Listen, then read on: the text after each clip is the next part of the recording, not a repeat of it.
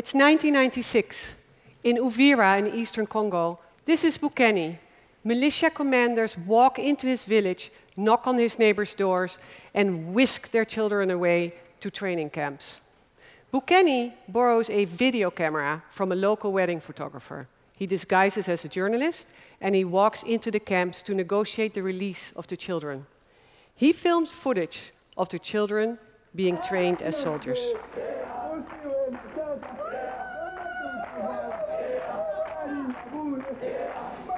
Many of these children are under 15 years old, and that is a war crime. But you don't have to go to eastern Congo to find human rights abuses. In America, a country with a rapidly aging population, experts estimate that one in 10 people over 60 will experience abuse. It's a hidden epidemic. And most of that abuse actually happens at the hands of close caretakers or family. This is Vicky.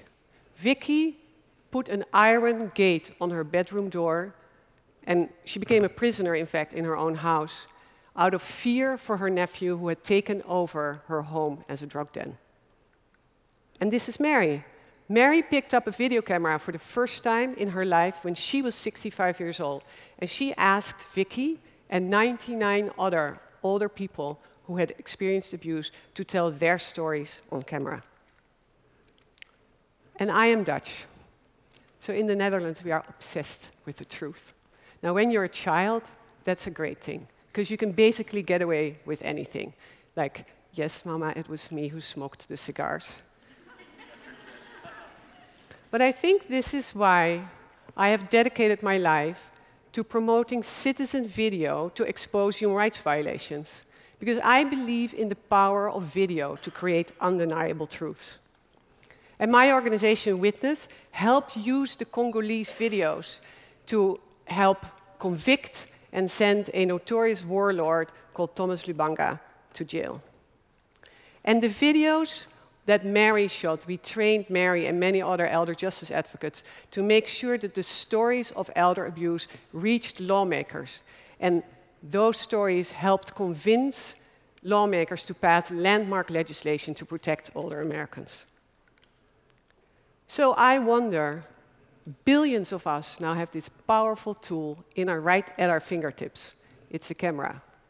So why are all of us not a more powerful army of civic witnesses like Mary and Bukeni? Why is it that so much more video is not leading to more rights and more justice? And I think it is because being an eyewitness is hard. Your story will get denied, your video will get lost in a sea of images, your story will not be trusted, and you will be targeted. So, how do we help witnesses? In Oaxaca, in Mexico, the teachers' movement organized a protest after the president pushed down very undemocratic reforms. The federal police came down in buses and started shooting at the protesters. At least seven people died and many, many more were wounded. Images started circulating of the shootings.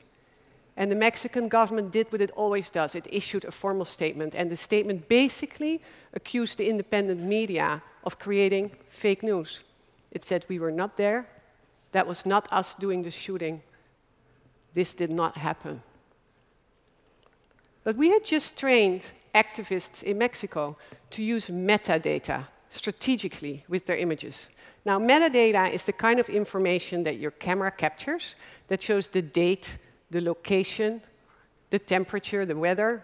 It can even show the very unique way you hold your camera when you capture something.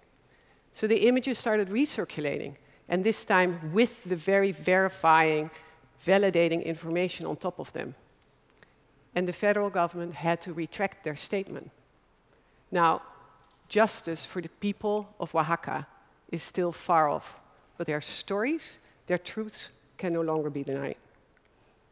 So we started thinking what if you had proof mode? What if everybody had a camera in their hands and all the platforms had that kind of validating ability? So we developed, together with amazing Guardian uh, uh, Android developers called the Guardian project, we developed something called a technology that's called proof mode that marries those metadata together with your image. and it validates and it verifies your video. Now imagine there's, there's a deluge of images coming from the world's camera phones. Imagine if that information could be trusted just a little bit more. What the potential would be for journalists, for human rights investigators, for human rights lawyers.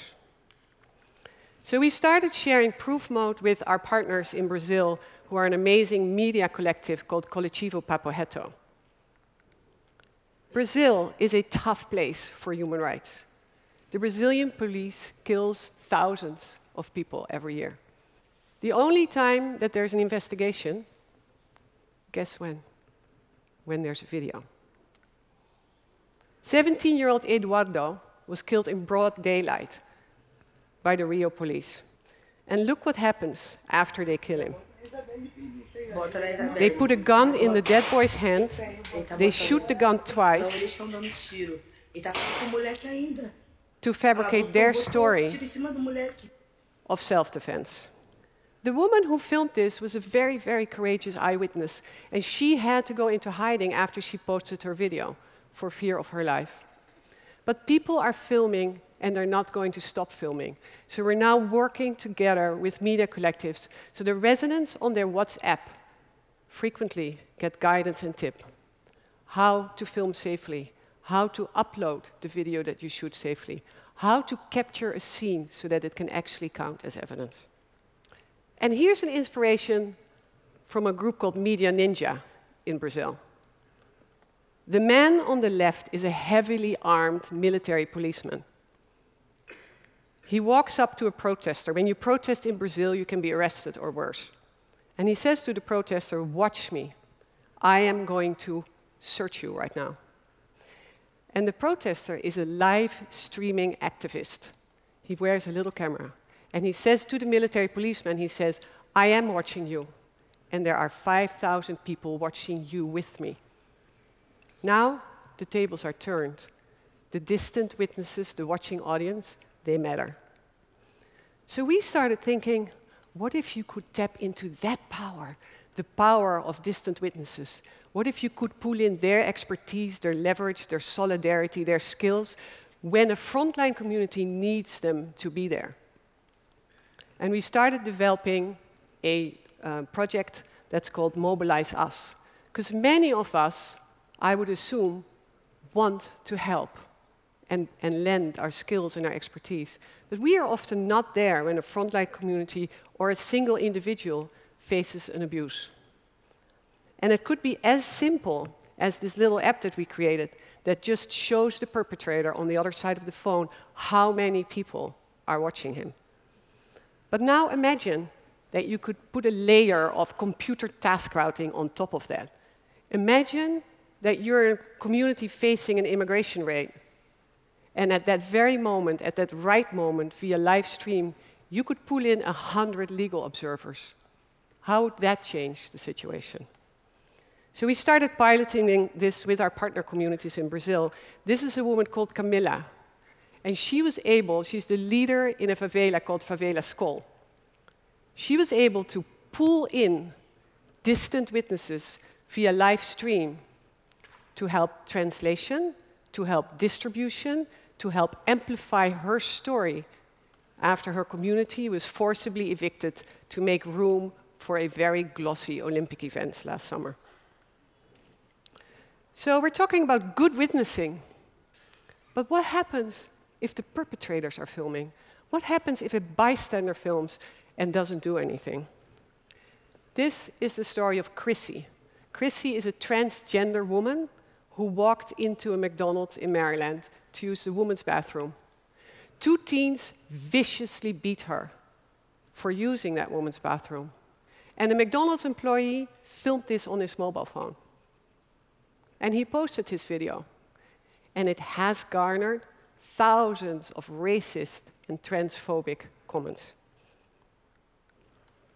So we started a project that's called Capturing Hate. We took a very, very small sample of eyewitness videos that showed abuse against transgender and gender nonconforming people. We searched two words, trannified and studfied. And those 329 videos were watched and are still being watched as we sit here in this theater, a stunning almost 90 million times.